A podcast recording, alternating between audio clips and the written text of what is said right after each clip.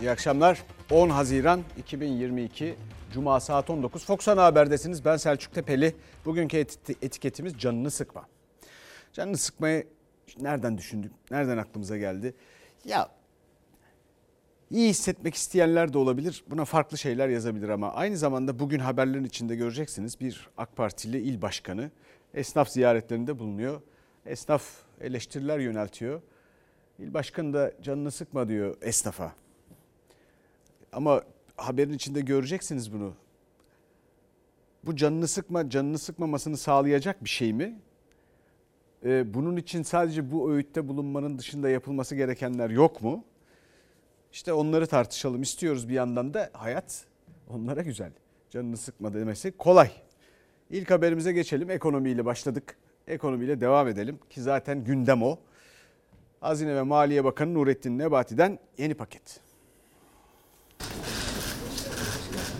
Hazine Maliye Bakanı biraz önce açıklama yapmış. Yeni bir şey açıklayacaklarmış. Vatandaşlarımızın tasarruflarını Türk lirası cinsi varlıklarda değerlendirebilmelerinin teşvik edilmesi amacıyla gelire endeksli devlet iç borçlanma senedi toplama işlemleri 15 Haziran 2022 tarihinden itibaren gerçekleşecektir. Yapılan açıklama e, beklentileri karşılamadı. Çünkü Hazine Bakanlığı'ndan açıklama beklenirken 16 lira 76 kuruşa kadar düşen dolar kuru bakanlığın yeni önlemin açıklamasıyla yeniden 17 lira 27 kuruş seviyesine çıktı. Yani hazinenin yeni adımı kurun aşağı inmesini sağlamadı. Dolar oldu 17 liraya dayandı. Aralıkta dolar fırladığında Erdoğan ne yaptı? Şapkadan 70 model bir tavşan çıkarttı. Neymiş? Kur korumalı mevduat hesabıymış. Bunların kafası basmaz.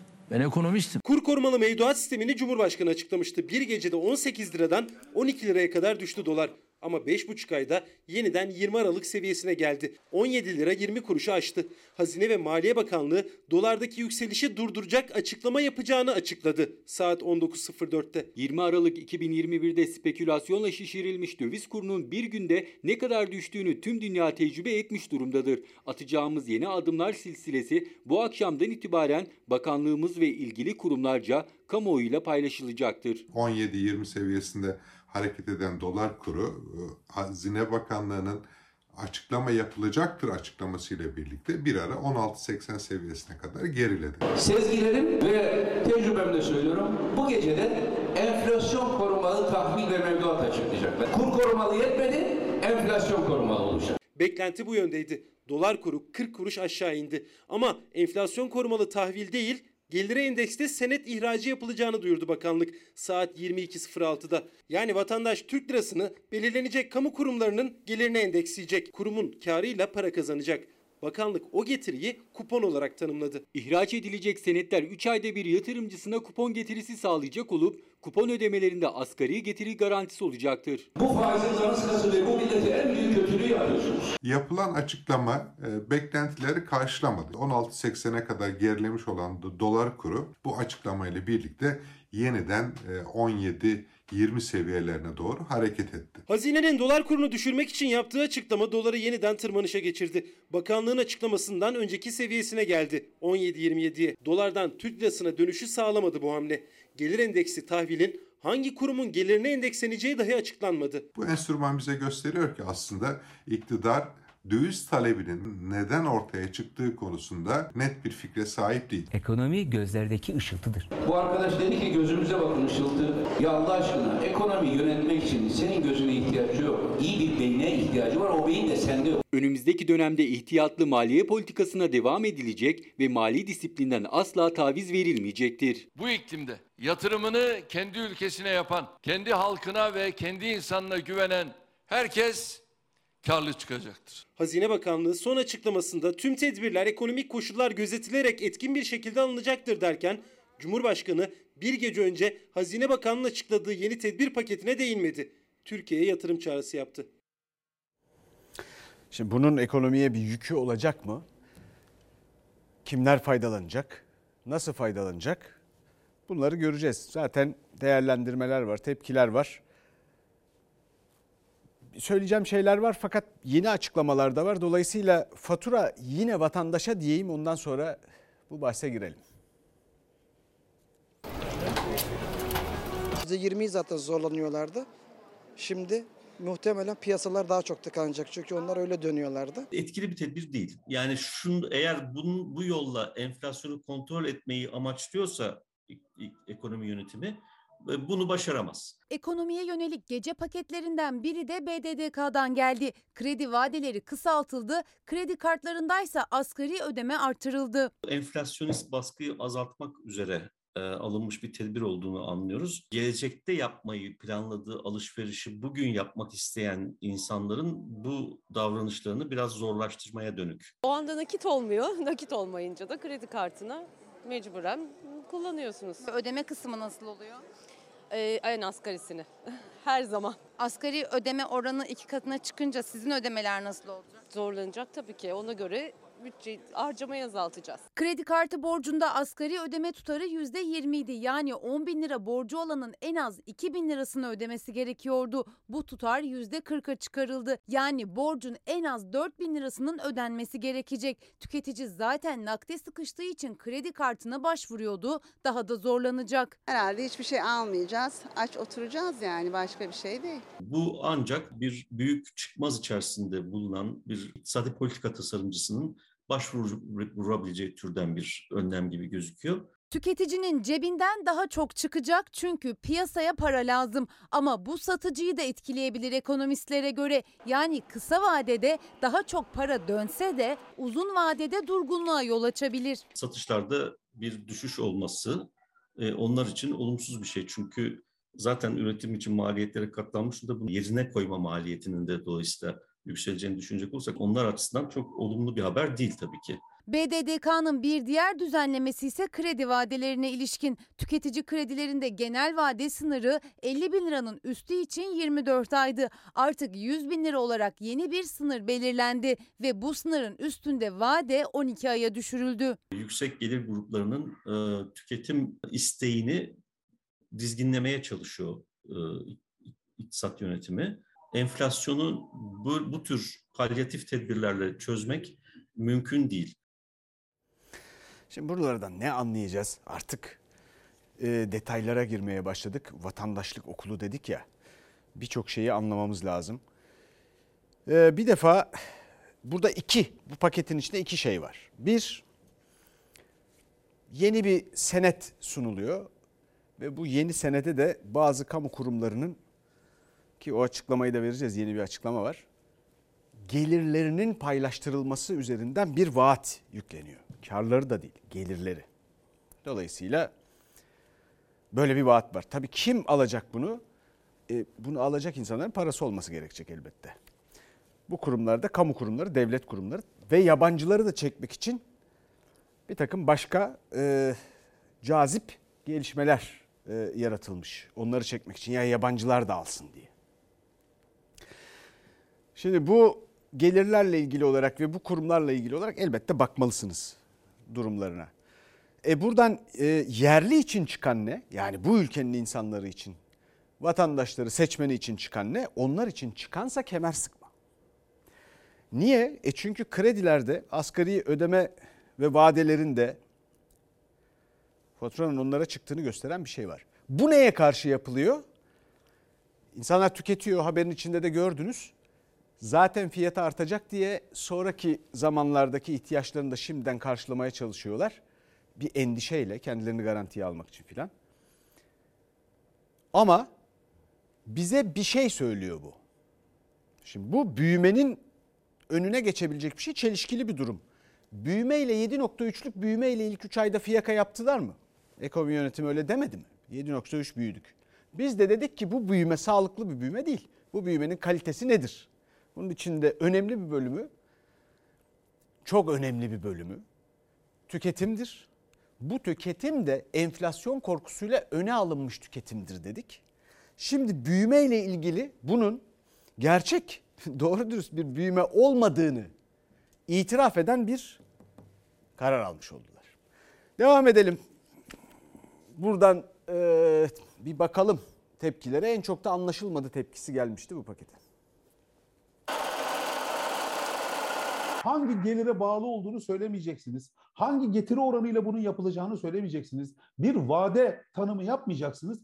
Bundan da bir medet umacaksınız. Ya böyle bir şey yok. Gece yarısı yaptığınız bir açıklamayla insanların birdenbire Türk lirasına gideceğini düşünüyorsunuz. Ya böyle cehalet olur mu? Dün gece ekonomide çok kritik kararlar açıklandı. Herkes Google yardımıyla yazılı açıklamaları tercüme etmeye çalışıyor. Şu ana kadar karar mekanizmasındaki tek yetkili çıkıp tartışmalara açıklık getirmedi. Üzgünüm. Gelir endeksi senet satışı açıklandı ama Türk lirasının ne hangi gelire endeksleneceği var o açıklamada ne getiri oranı. AK Parti MKYK üyesi Şamil Tayyar da yapılan açıklamanın anlaşılmadığını söyleyerek eleştirdi Hazine Bakanlığı'nı. Düşünmeden paldır küldür konuşuyorlar. Gelir hangi gelir olacak bu belli değil. Bu ne geliri? Köprü geliri mi, yol geliri mi, devletin geliri mi o belli değil. İktidar aslında yeni bir şey yapamıyor. Eski defterlere gidiyor, karıştırıyor, bakıyorlar. Böyle bir uygulama özel zamanında olmuştu. Uzman yardımcısıydım planlamada. Barajlara endeksli bir gelir ortaklığı senedi çıkmıştı. Gelir endeksli senet satışı ilk kez uygulanmıyor. Özal döneminde de devreye sokuldu. 2009 yılında Ali Babacan'ın ekonominin dümeninde olduğu dönemde de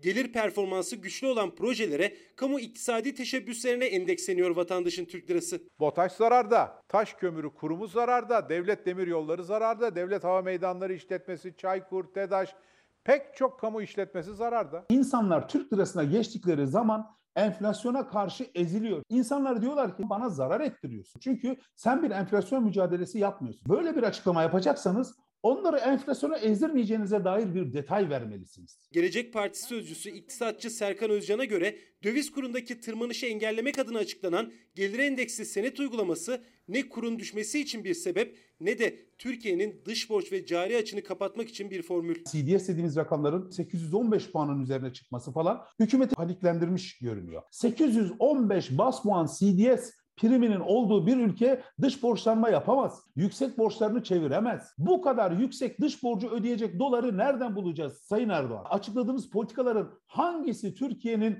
dış açığını finanse edecek bir çözüm üretiyor? İnsanlar artık kredi kartlarıyla yaşıyorlar. Siz ödemeyi %20-40'lara çıkartırsanız bu insanlar ne yapacaklar? Döviz almak için değil, geçinmek için kredi kartlarını kullanıyorlar. BDDK'nın ihtiyaç kredisi vadelerini kısaltmasına, kredi kartı asgari ödeme tutarını %20'den 40'a çıkarmasına da tepkili muhalefet. Borç harç zar zor ayakta kalmaya çalışıyor. Anlaşılan saray milletimize bir tokat daha vurmaya hazırlanıyor. Şimdi Hazine ve Maliye Bakanlığı'ndan biraz önce bir açıklama yapıldı. Bu bir son dakika bilgisi. Burada yeterli bilgi yok diye eleştirileri de duydunuz. Şimdi bundan bilgi verelim bu yeni açıklamadan. Türkiye genelinde 15 Haziran 22 Haziran 2022 tarihlerinde GES ihracına ilişkin talep toplanacakmış. 24 Haziran 2022 Cuma gününde de yatırımcıların hesaplarına aktaracak diyor. Burada senetler için asgari talep tutarı 1000 liraymış. Ee, Devlet Hava Meydanları İşletmesi ve Kıyı Emniyeti Genel Müdürlüğü'nden bütçeye aktarılan hasılat paylarına endeksli olacak bu. Bu da şu demek hazine tarafından yıllık belirlenen getiri %23.4. Peki bunların hepsi ne demek? Bunlar denenmemiş şeyler mi? Denendi. Vaktiyle bunun benzerleri denendi. Olmadı. Olsaydı zaten o zaman devam ederdi. Neyse siz bunlara bakarsınız. Ee, bununla ilgili benim aklıma gelense trench. Şimdi trench bunu anlatacaktım da bu açıklama gelince onu söyledim. Ona bakacağız. Yani bunu vakit bulursam anlatacağım size.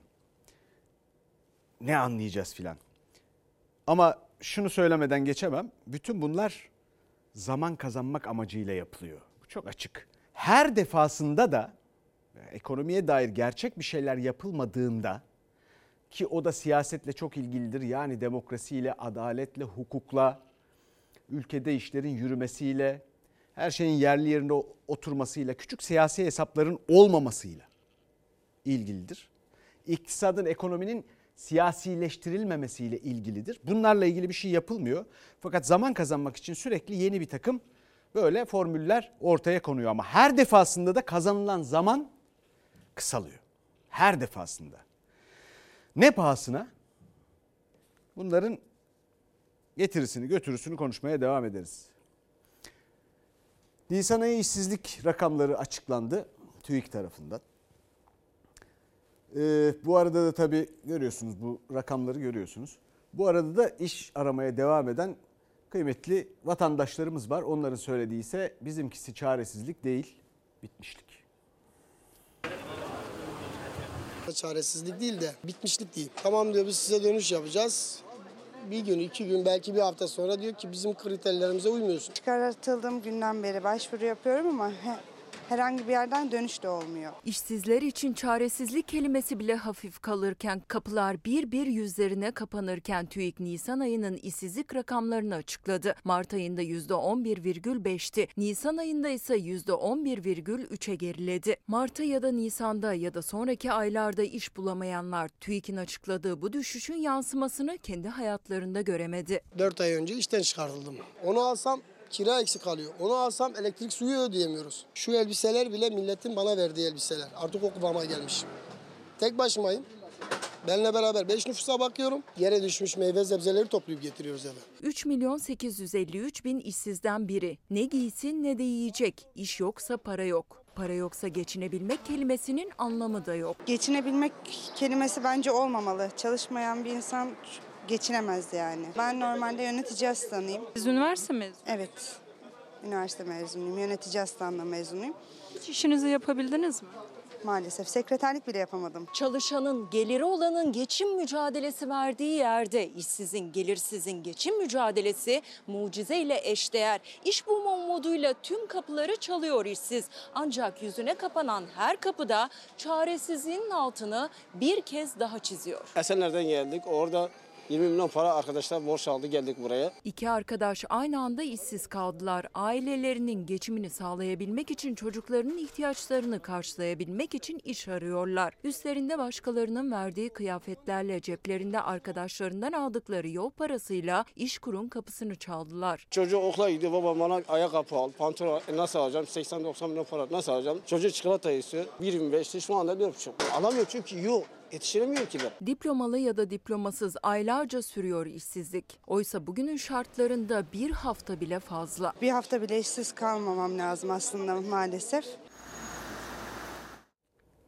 Efendim şimdi gidelim AK Partili il başkanına esnafla diyaloğunda esnafın tepkisine bakalım.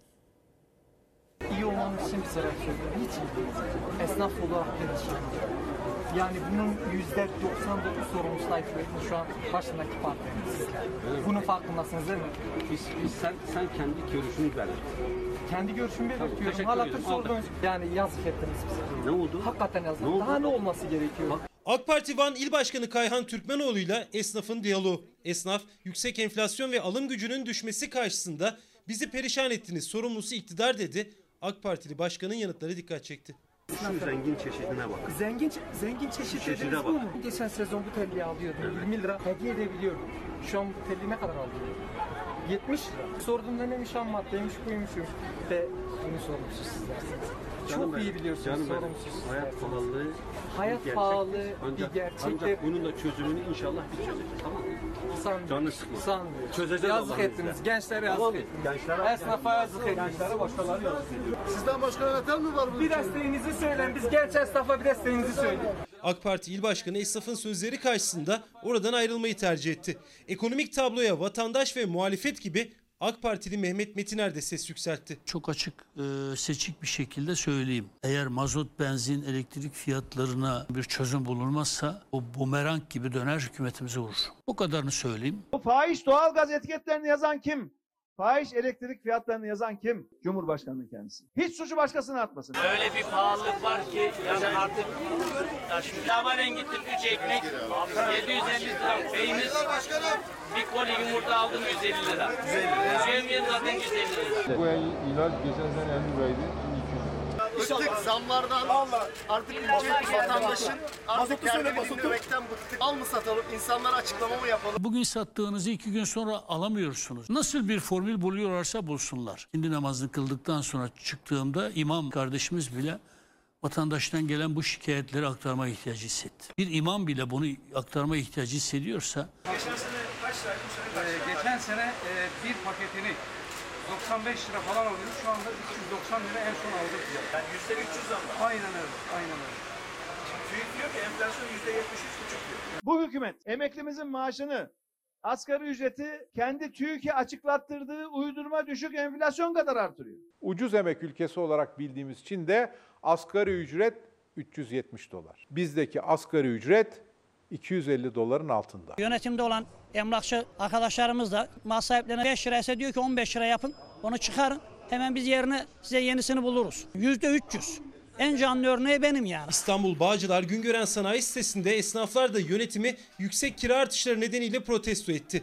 İktidar konutlardaki kira artışına sınır getirdi ama iş yerleri için sınır yok. TESK Başkanı ise iş yerleri için de düzenleme istedi. İş yerlerindeki kira artışları %25 ile e, sabit kalırsa biraz daha rahat edilmiş olur. Değerli izleyicilerimizden gelen mesajlar bir izleyicimiz demiş ki kur korumalı mevduat adı verilen uygulama yüzünden Türkiye son 6 ayda tam 157 milyar Türk lirasını kaybetti. Çöpe attı. Efendim çöpe atmadı. Yabancısı yerlisi toplasanız hani yerli kısmını bizim e, parası olan buna yatırabilen filan onları toplasanız 1 milyon kişi ediyor. Onlara verilecek faiz de bu ülkenin vatandaşının, seçmeninin, çalışanının, dar gelirlisinin sırtına yükleniyor. Bunun içinde zaten mesela işte akaryakıttan alınan vergilerden bahsetmiş bir başka izleyicimiz oradan çıkarırlar zaten filan diye. Bunun içinde e, bu, bu böyle kağıtlar çıkarılıyor işte. Ve faizin de düştüğü söyleniyor. Yani bütün bunlar yapılıyor çok yüksek faizli, çok küçük bir gruba, bir insan grubuna, parası olana, hiç çalışmadan para kazanma fırsatı sağlanıyor, veriliyor. Hatta bu kur oynaklıkları var ya bir de bunları haber veriyorlar böyle filan. O aradaki saatlerde bile kim dolarını bozdurdu sonra gitti kim ucuzdan aldı falan bunlara bakmak lazım. Bakılıyor mu? Ama bu arada da faizlerin düştüğü filan yok. Bir gösterge faiz var. Sözde onun üzerine bir politika bina ediliyor. Her şey darma duman. Faiz tabii düşsün. Ama düşen faiz var mı? Burada da gizli faiz, gizli faiz de swap'tır yani buradan bakıldığında. Siz kendiniz bakın sizin ödemek zorunda olduğunuz faizlerde düşen var mı? Siz bakın sizin ödemek zorunda olduğunuz faizlerde düşüş, düşen herhangi bir şey var mı? Yoksa ne oluyor? Tabii insanların geliri ki bu ülkenin insanların ortalama bazılarımız çok daha fazla gelir kaybına uğradı. Gelirinin, varlığının hatta bir kısmı da varlığını kaybetti. Gelirinin üçte birini ortalama kaybettiğini biliyoruz bu zaman zarfında. Hayat standartları, alım güçleri böyle dramatik bir biçimde düştü. Ve bu dünya ile kıyaslanmayacak kadar Türkiye'de feci hızlı yaşandı. Bunun olacağı da söylenmişti. Bunu da tercih ettiklerini açıkladılar dün. Üstüne de şimdi yeni bir takım kağıtlar. Geleceğiz ona. Ne oluyor ondan sonra? İnsanlar ucuz yemek kuyruğuna giriyorlar.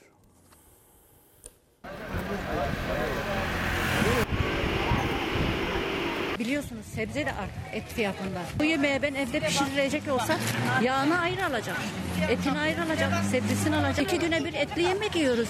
Ben onu iki güne bir etli yemek yiyemem. İmkansız. Her öğün dışarıdan yemek çok maliyetli oluyor. Üç çeşit yemek üç buçuk lira. Kimleri engelliyor, fakir fukara bir şey görmesin diye. Kimi de böyle yardım ediyor. Allah razı olsun. Üç çeşit yemek üç buçuk lira uzayıp giden bu sıra ucuz yemek için. Mersin Büyükşehir Belediyesi'nin mobil mutfak tırlarından her gün binlerce kişi 3 çeşit yemeği 3,5 liraya satın alıyor. Bu zorlu günlerde vatandaşlarımızın yanında olduğumuzu her zaman hissettirmek istiyorum. Bir restoranda faydalı zaman 30-40 lira yemek ücreti veriyoruz. Burası 3,5 lira. Ben bir oraya verdiğim parayla gidip dışarıdan yoğurt bile alamam. Düşünün ekmekle yoğurt bile alamam. Fırında almak istiyoruz ama alamıyoruz. Bunu alıyoruz sıraya giriyoruz. Bazen bize ekmek yetmiyor. Eşim asgari ücret alıyor. Dört çocuğum var.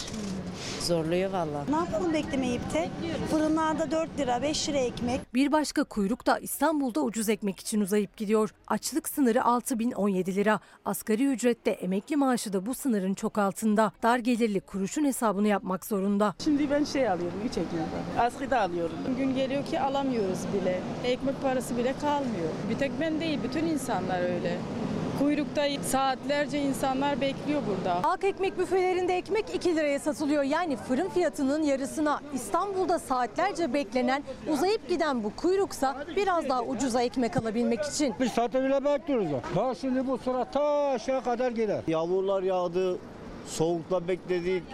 Kar yağdı üstümüze. Sokaklarda, mahallelerde sürünüyoruz işte. Günde 10 tane ekmek alıyorum ben. Ayda 500 milyon ekmek parası veriyorum fırına. Hani yazdırıyorum. Tanıdık diye yazıyor. Bütçesi el vermeyen ekmeği bile veresiye yazdırıyor. Yazdıramayan sofrasından eksiltiyor. Dün mesela 3 aldım marketten. kalmamıştı. Mecbur 3 aldım. Ama buraya geldiğimde 6-7 alıyorum. Bir ekmek paramız bile yok. O kadar ki alamıyoruz gücümüz yok. Yok gerçekten gücümüz yok. Yeter. Buradaki durum böyleyken bir de bakalım üretim maliyetlerini arttıran girdilerin en önemli kalemi benzin, mazot. Benzin, mazot nereye koşuyor?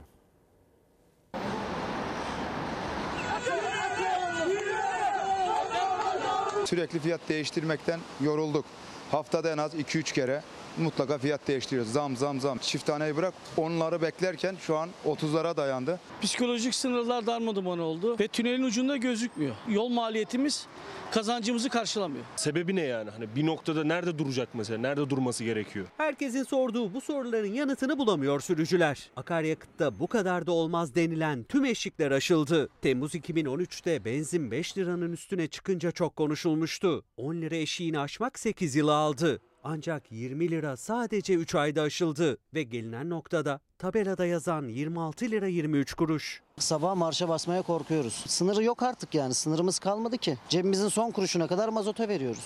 Vermesek iş yapamayacağız. Çocuğumuza ekmek götüremeyeceğiz. Bir yıl önce benzinde motorinde 8 liranın altındaydı. Benzine %239, motorine ise %285 zam geldi. Oysa daha önce kritik eşikler çok yavaş aşılırdı. Yıllardır psikolojik sınır denildi denildi. Sonunda o sınır aşıldı. Benzinin litre fiyatı artık 5 liranın üzerinde ve şimdiden vatandaş kendine yeni psikolojik sınırlar belirlemeye başladı. Temmuz 2013'te aşıldı benzinde 5 lira sınırı. 10 lirayı gördüğümüzde ise takvimler 2021 yılının sonunu gösteriyordu. Akaryakıt istasyonlarında hummalı bir çalışma vardı. Normalde akaryakıt firmaları çift haneli rakamlara pompalarda ve tabelalarda yıl sonunda geçecekti ama son zamlarla birlikte bu çalışmalar da hızlandı. İşte ekipler akaryakıt firmalarında pompaları bu şekilde çift taneye hazırlıyor. Akaryakıt istasyonları çift tane hazırlığı yaptığında tarih 25 Kasım 2021'di. O tarihten sonra zamların hiç arkası kesilmedi. Hem benzin hem motorin önce 10 lirayı sonra 20 liraya aştı ve şimdi 30 lira sınırına dayandı. 6 aylık süreç içinde. Ben asgari ücrete çalışan bir insanım. 4250 hala da 4250. Yılbaşından bu tarafa benzin 30'a dayandı. Benzinin litresi 26 lira 23 kuruş. 55 litrelik bir aracın deposu 1442 liraya doluyor. Normalde akaryakıt istasyonları bu saatte daha yoğun olurken istasyonlardaki boşluk dikkat çekiyor. Ben şu an kendi işimi yapıyorum. Ee, önceden 600 liraya 500 liraya doldurdum depoyu şu an 1400 liraya dolduruyorum. Haftada bir depo dolduruyorum. Evimin kirası var. Yeni evliyim. 6 ay oldu. Ellerim titriyor yani fark ettiyseniz. Bayağı bıktık. 300 kilometre yol yaptım. Aldığım mazot 500 lira. Bıktık para kazanmıyoruz yani. Taksicilerin hepsi şu anda mazottan dolayı kan ağlıyor yani. Bugünün tarihini not alsınlar. Bugünün tarihini biz arayacağız. Kazancı akaryakıt zamları karşısında günden güne eriyen taksicilerin tepkisi eyleme dönüştü. Mersin'de taksiciler şehrin en işlek caddesinde kontak kapatıp akaryakıt zamlarını protesto etti. Manisa'da ise halk otobüsü sahiplerinin eylemi vardı. Toplu taşıma öldü diyerek sembolik tabut kaldırdılar. Ölümü gerçekleşmiştir.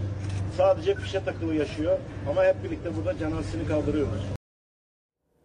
Şimdi burada yan tarafta benzini görüyorsunuz 2013, 2021, 2022 ve bugün 26-23'e ulaşmış. Tabii ekip biçen, üreten insanlar taban fiyatlar filan açıklanıyor. O taban fiyatlar bu zamlara yetişemediği için önünü de göremiyor. Maliyetleri karşılamak çok zor olduğu için ekmekten, biçmekten de korkuyorlar. Şimdi mesela Mersin'den bu son haberdeki içerikte gördünüz. Mersin'deki tepkiyi. Şimdi Isparta'dan bahsetmek istiyorum ben de. Isparta köylüsü de çiftçisi de gül taban fiyatı bekliyor. Masraflar böyle artıyor. Tam hasat zamanı. İşte 16-17 lira olacak diye haberler çıkmış anladığım kadarıyla. Fakat maliyetleri 17 lira zaten. Yani gülü seven dikenine katlanır deniyor ya. O insanlar sadece dikeniyle yaşıyorlar. Taban fiyat bekliyorlar ve maliyeti aşmayan bir taban fiyatla da ki o zaten aşsa da ceplerine de hiçbir şey kalmayacak mı yani? Bunu da burada dile getireyim istedim. Şimdi gidelim Kurban Bayramı da yaklaşıyor. Vekaletle kurban ve bununla ilgili zamlara bir bakalım. Ee, orada da çok ilginç şeyler var. Yani kimi kurum %135 zam yaptı geçen seneye göre. Kimde kimisi %100 zam yaptı. Fiyatlar e, farklı farklı. E, kafalarda karışık. Dana fiyatları şu anda 30 bin liradan 50 bin liraya kadar değişiyor. Peki küçük başlar? Küçük başlar 4 bin lirayla 6 bin lira arasında o da değişiyor. Tabii ki kilosuna göre fark ediyor. Kurbanlık fiyatları belli olmaya başladı. Vekaleten kurban bedelleri de Diyanet geçen yıla göre %100 artırdı bedeli 2250 liraya çıkardı. Kızılay'da %135 artışla 2475 liraya. Bedeller bu yıl her sene olduğundan da çok piyasadaki fiyatların altında kaldı. Şu anda e, bu piyasada 2450 liraya kuzu bile alıp kesemezsiniz. Bırakın dana payını bu rakama nasıl verdiler onu da anlamış değilim ben. Elhamdülillah Müslümanız. Yani kesmeyi kim istemez? Ama şu an kesemiyoruz. Öyle bir lüksümüz yok. O çok lüks oldu artık bizim için. Hisse fiyatı 7 bin liradan başlıyor 8 bin liraya kadar çıkıyor. Geçen yıl tabii ki 3500 ile 4 bin lira arasında da hisse başı. Hisse fiyatı ortalama 7 bin lirayla 8 bin lira arasında olacak bu sene. Yani geçen senenin iki katına çıktı. Neticede yani insanlar hayır yapıyor. 3 kiloyu 5 kiloyu da aramıyorlar ama e, bu yem fiyatlarından kaynaklandı. Ekonomik kriz zaten var. E, her şey pahalı. Dolar euro yükselince her şeye yansıma yapıyor. En son ne zaman kestirdiniz? Valla 3 sene oldu zannedersem ama pandemiden önceki bayramdaydı. Şu anda imkanımız yok. Yem fiyatlarındaki artış nedeniyle kırmızı etin fiyatı da zam üstüne zam gördü ve etiketlerdeki değişim %100'ün üzerine çıktı. Kıymanın kilosu 148 liraya, kuşbaşının kilosu da 158 liraya kadar yükseldi. Benzer bir artış kurbanlık fiyatlarında da var. Kızılay'ın hisse bedeli bile %135 zamlandı. Yurt içi için 2475 TL, yurt dışı için ise 1475 TL olarak kurban bedellerimiz belirlenmiş durumda. Vekalet yoluyla kurban fiyatları düşük, yurt dışı içinse bedel daha da az. Kurbanını kendi kestirmek isteyenlerse zorlanacağını söylüyor. Zorlar ama kestireceğiz yani. Bir şeylerden kısacağız, kestireceğiz. Ben kuzu kestim.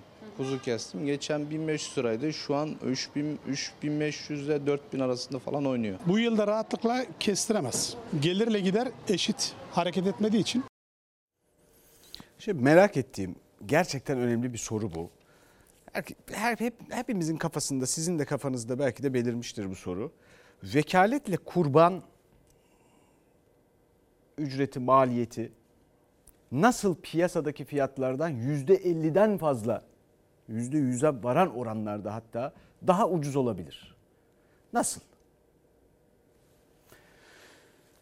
Evet memleket insan tabii çok şey görüyor, öğreniyor. Bir yandan da sorular soruyor. Bir yazar var bu sene de Marcel Proust. Marcel Proust yılı ilan edilmiş. Onun Kayıp Zamanın İzinde isimli bir kitabı var. Orada diyor ki benim içimde daima var olacağını zannettiğim pek çok şey kayboldu. Şimdi bu ülkede siyasilerin, iktidarların insanların içinde daima var olacağını zannettikleri bazı şeylerin kaybolabileceğini hesaba katmaları lazım. İnsanlara bu kadar eziyet edilmez yani. Eziyet demişken gelelim biber gazlı bir müdahalede bulundu güvenlik güçleri. Ne için? TÜİK'in önünde bir protesto gösterisi vardı memurlardan. Biber gazlı müdahaleden onların arasında biri yoğun bakıma kaldırıldı.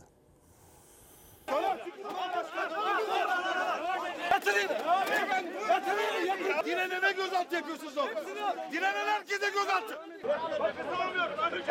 Ya bak nefes alamıyoruz bir durma. Ya abi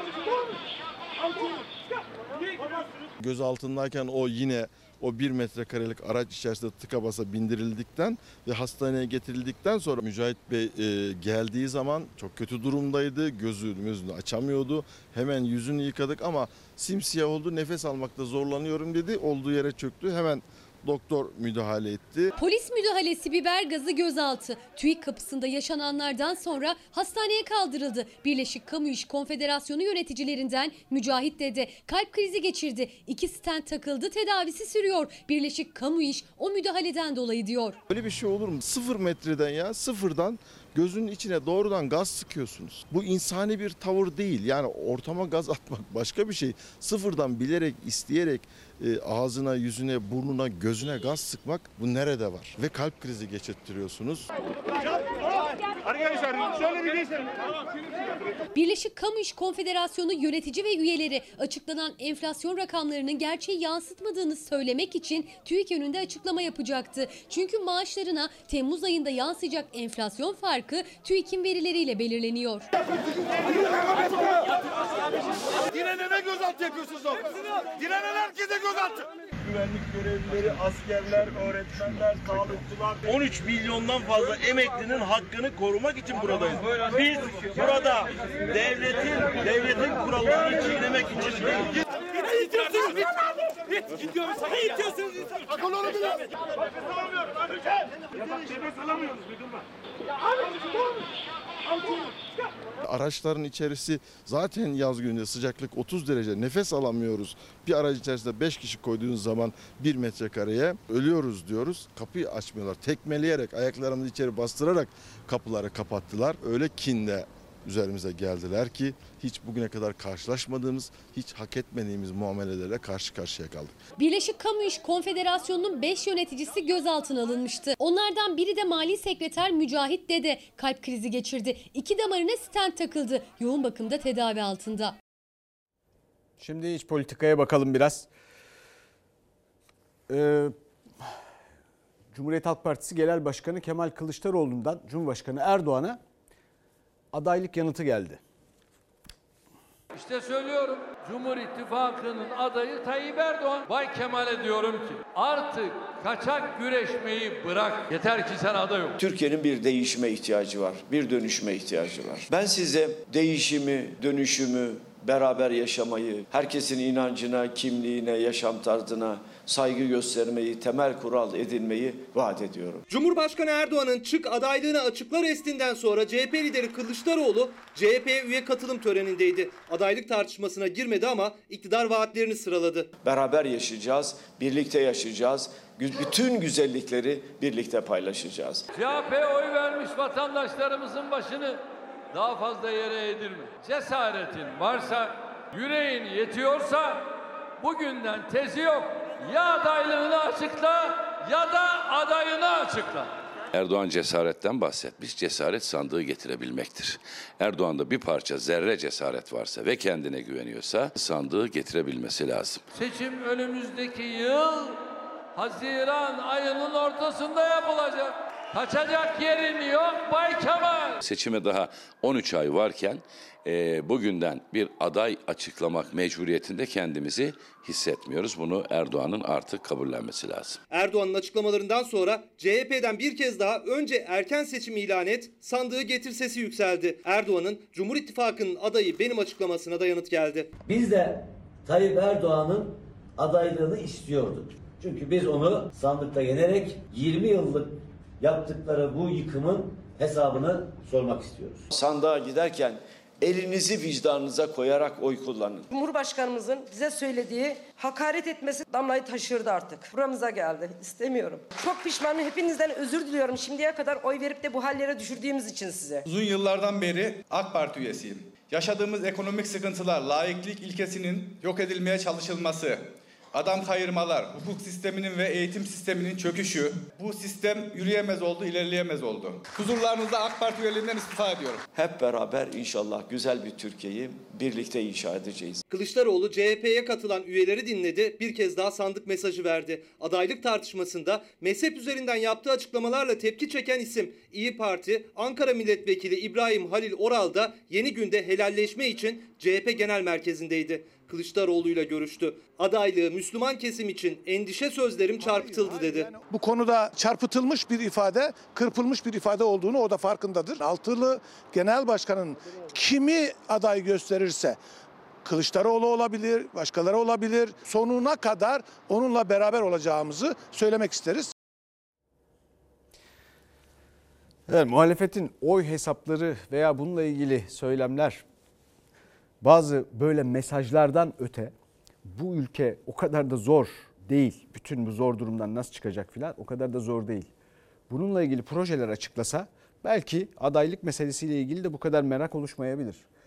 Şimdi geçelim Tunceli'de Munzur Üniversitesi'nde 888 gündür kayıp ee, Gülistan Doku'nun diplomasını almak için e, kardeşi geldi.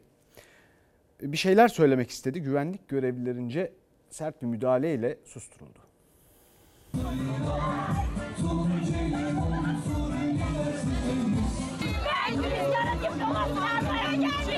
888 gündür kayıp olan kardeşi Gülistan Doku'nun diplomasını almaya gitti. Elinde kardeşinin fotoğrafı mezuniyet töreninde konuşmak isteyince yaka paça sahneden indirildi.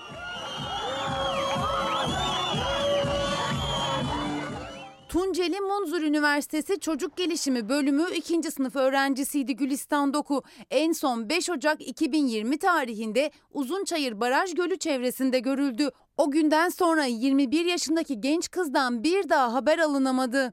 Gülistan diplomasını almaya gelemedim. Munzur Üniversitesi'nin 2021-2022 akademik yılında mezun olan öğrenciler için tören düzenlendi. Abla Aygül Doku elinde kayıp kardeşinin fotoğrafı törene katıldı. Gülistan'ın diplomasını almak için sahneye çıktı. İki buçuk yıldır yaşadığı acıyı anlatmak için söz almak isteyince devreye özel güvenlik görevlileri girdi.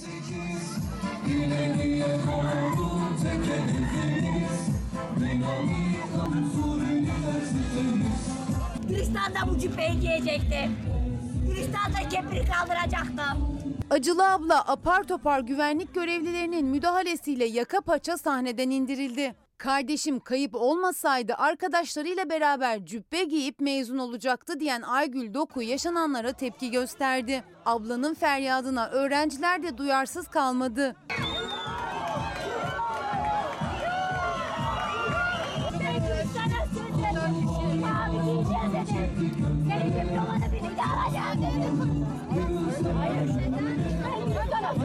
Aygül Doku öğrencilerin yardımıyla tekrar sahneye yönelince bu kez arbede çıktı. O bağırarak kız kardeşinin bulunması için yardım isterken öğrenciler yaşananları protesto etti. Gerginliğin ardından sahneden inen abla Aygül Doku mezun olan öğrencilere sarılıp gözyaşı döktü. Disney Plus'ın ilk yerli ve orijinal dizisi Kaçış'ın ön gösterimi yapıldı. Hem davetliler hem de dizi ekibi oradaydı. Senin görevin ne ya? Fotoğrafçıyım ben. Video çekiyorum. Kaçış Disney Plus'ın ilk yerli orijinal dizisi. 14 Haziran'da Disney Plus'ın Türkiye'de yayın hayatına başlamasıyla birlikte izleyiciyle buluşacak. Ön gösterimi gerçekleşti. Kaçış büyük beğeni topladı. 2017'de yazdığım bir hikayeydi Kaçış. Bir adamın insanlığıyla, vicdanıyla karşı karşıya kalması üzerine bir hikaye dolaşıyordu kafamda. O dönemde yaşananlar, o dönemin konjonktüründe ne varsa evrildi, değişti ve e, Ali Doğan Çay'ın senaryosuyla e, Disney Plus'la e, hayata geçti. Oyuncu Engin Akyürek'in başrolünde yer aldığı dizi yine ünlü oyuncunun kaleminden çıktı. Kaçış hikayesi ve senaryosuyla şimdiden ses getirdi. Ön gösteriminde görsel efektleriyle izleyenleri hayran bıraktı. Dünyada birçok hayran kitlesine ulaşmış Engin Akgüre'nin hem oynadığı hem de kaleme aldığı Kaçış dizisi. Ortada onun farklı insan hikayelerini çok farklı bir bakış açısından anlatan bir hikaye. Bugün bir ön gösterimine geldik. Herkesin beğenisini açacağız inşallah. Çok heyecanlıyız. Kadrosunda Engin Akyürek'le birlikte İrem Helvacıoğlu, Onur Bay, Leyla Tanlar, Aras Aydın ve Levent Ülgen başta olmak üzere ünlü isimleri barındıran Kaçış, bir savaş fotoğrafçısının ve farklı ülkelerden gelen gazetecilerin araştırma yapmak üzere sınır ötesine geçişleriyle başlıyor. Terör örgütünün eline geçen grup geri dönmek için mücadele veriyor. Kaçış izleyiciyi soluksuz bir maceraya sürüklemeye hazırlanıyor. En büyük dileğimiz yerelden dünyaya bir iş yapabilmektir. Galiba oldu. Türk izleyicisini, dünya izleyicisini çok iyi bir kastla, çok iyi çekimle müthiş bir iş bekliyor. Bugünü gördüğüm için çok mutluyum. İklim şartları, coğrafya bizi çok zorladı. Herkes elinden geleni yaptı. Zor şartlar altında çekimleri yapılan kaçış ön gösterimde tam not aldı. 14 Haziran'da platformun açılışıyla birlikte Disney Plus'taki yerini alacak. Hayatta kalmak için ne kadar ileri gidersin? Ve bu gece orta sayfa gecesi. Bakalım bu akşam bu gece neler varmış. Doların ateşi yüksek. Enflasyon TÜİK'e göre bile son 24 yılın zirvesinde.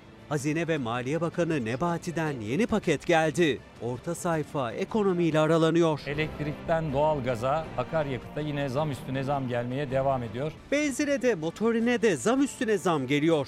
Üreticinin, nakliyecinin yükü artıyor. 30 lira sınırına dayanan akaryakıt fiyatları orta sayfada. Bugün enflasyon daha düşük olacaktı.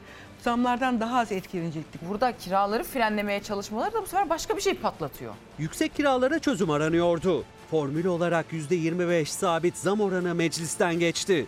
Kiralar daha da arttı. Konutta çözülemeyen düğüm orta sayfada. Erdoğan ekonomiyle başa çıkamıyor. Ekonominin parametrelerini Sayın Cumhurbaşkanı'nın inancı değil, Temmuz zamları için emeklinin memurun gözü TÜİK'te. TÜİK ise tartışmaların odağında. Yıllardır vaat edilen 3600 ek gösterge açıklaması geldi. Memurları tatmin etmedi. Emeklilikte yaşa takılanlar içinse ses seda yok. Çalışanın, emeklinin geçim derdi ve zam beklentisi orta sayfada. Memur ve emekli maaşları son 6 aylık enflasyona göre belirlenecek. Belirlenecek. Dert biraz da o. herhalde bu erken seçim tartışmaları bu yüzden başladı. Cumhurbaşkanı Erdoğan adaylığını ilan etti. Erken seçim yok dedi. Kılıçdaroğlu'na kaçak güreşme adaylığını açıkla diye seslendi. Altılı masadan ne zaman ve kimin adı çıkacak orta sayfada. Ya bu ayrımcılık suçu. Evet. Bu suç kardeşim. Vites hep yükselecek. Yükselecek. İyi Partili İbrahim Halil Oral, Kılıçdaroğlu'nun olası Cumhurbaşkanı adaylığını mezhebi üzerinden yorumladı. Önce kendisi sonra da Akşener özür diledi. Ekonomiden siyasete en sıcak başlıklar her cuma olduğu gibi bu gece de orta sayfada. Dolayısıyla bunu konuşacağız. Alım gücümüz düşüyor. Şimdi bir ara efendim. Efendim haberler sırasında da ilk haberlerde ekonomide yeni paketler filan trenç geldi aklıma demiştim. Bu bir finansal terim. Aynı şeyin üstüne yapılmış e, bir takım işte senetler diyebiliriz buna. Türev kağıtlardan bahsediyorum. Fakat burada bitiremeyiz şimdi bunu. Buna devam edeceğiz. Başka bir gün e, fırsat buldukça anlatacağım. Bunun kökeni Fransızcadır. Tranşeden gelir. E, daha çok yeme içmeyle et dilimlemek, temizleyip dilimlemek filan böyle şeyler. Fakat o insanların önünde yapılır. O türev ürünleri yemek gibi düşünürseniz görmediğiniz şeyden bahsediyoruz demektir. Neyse. Efendim şimdi bizden sonra devam edeceğiz buna. Bizden sonra iyilik var yeni bölümüyle. Burak Birsen huzurlarınızda olacak e, hafta sonu. E, ve orta sayfa gecesi bu akşam biliyorsunuz 23.30'da. İyi hafta sonları.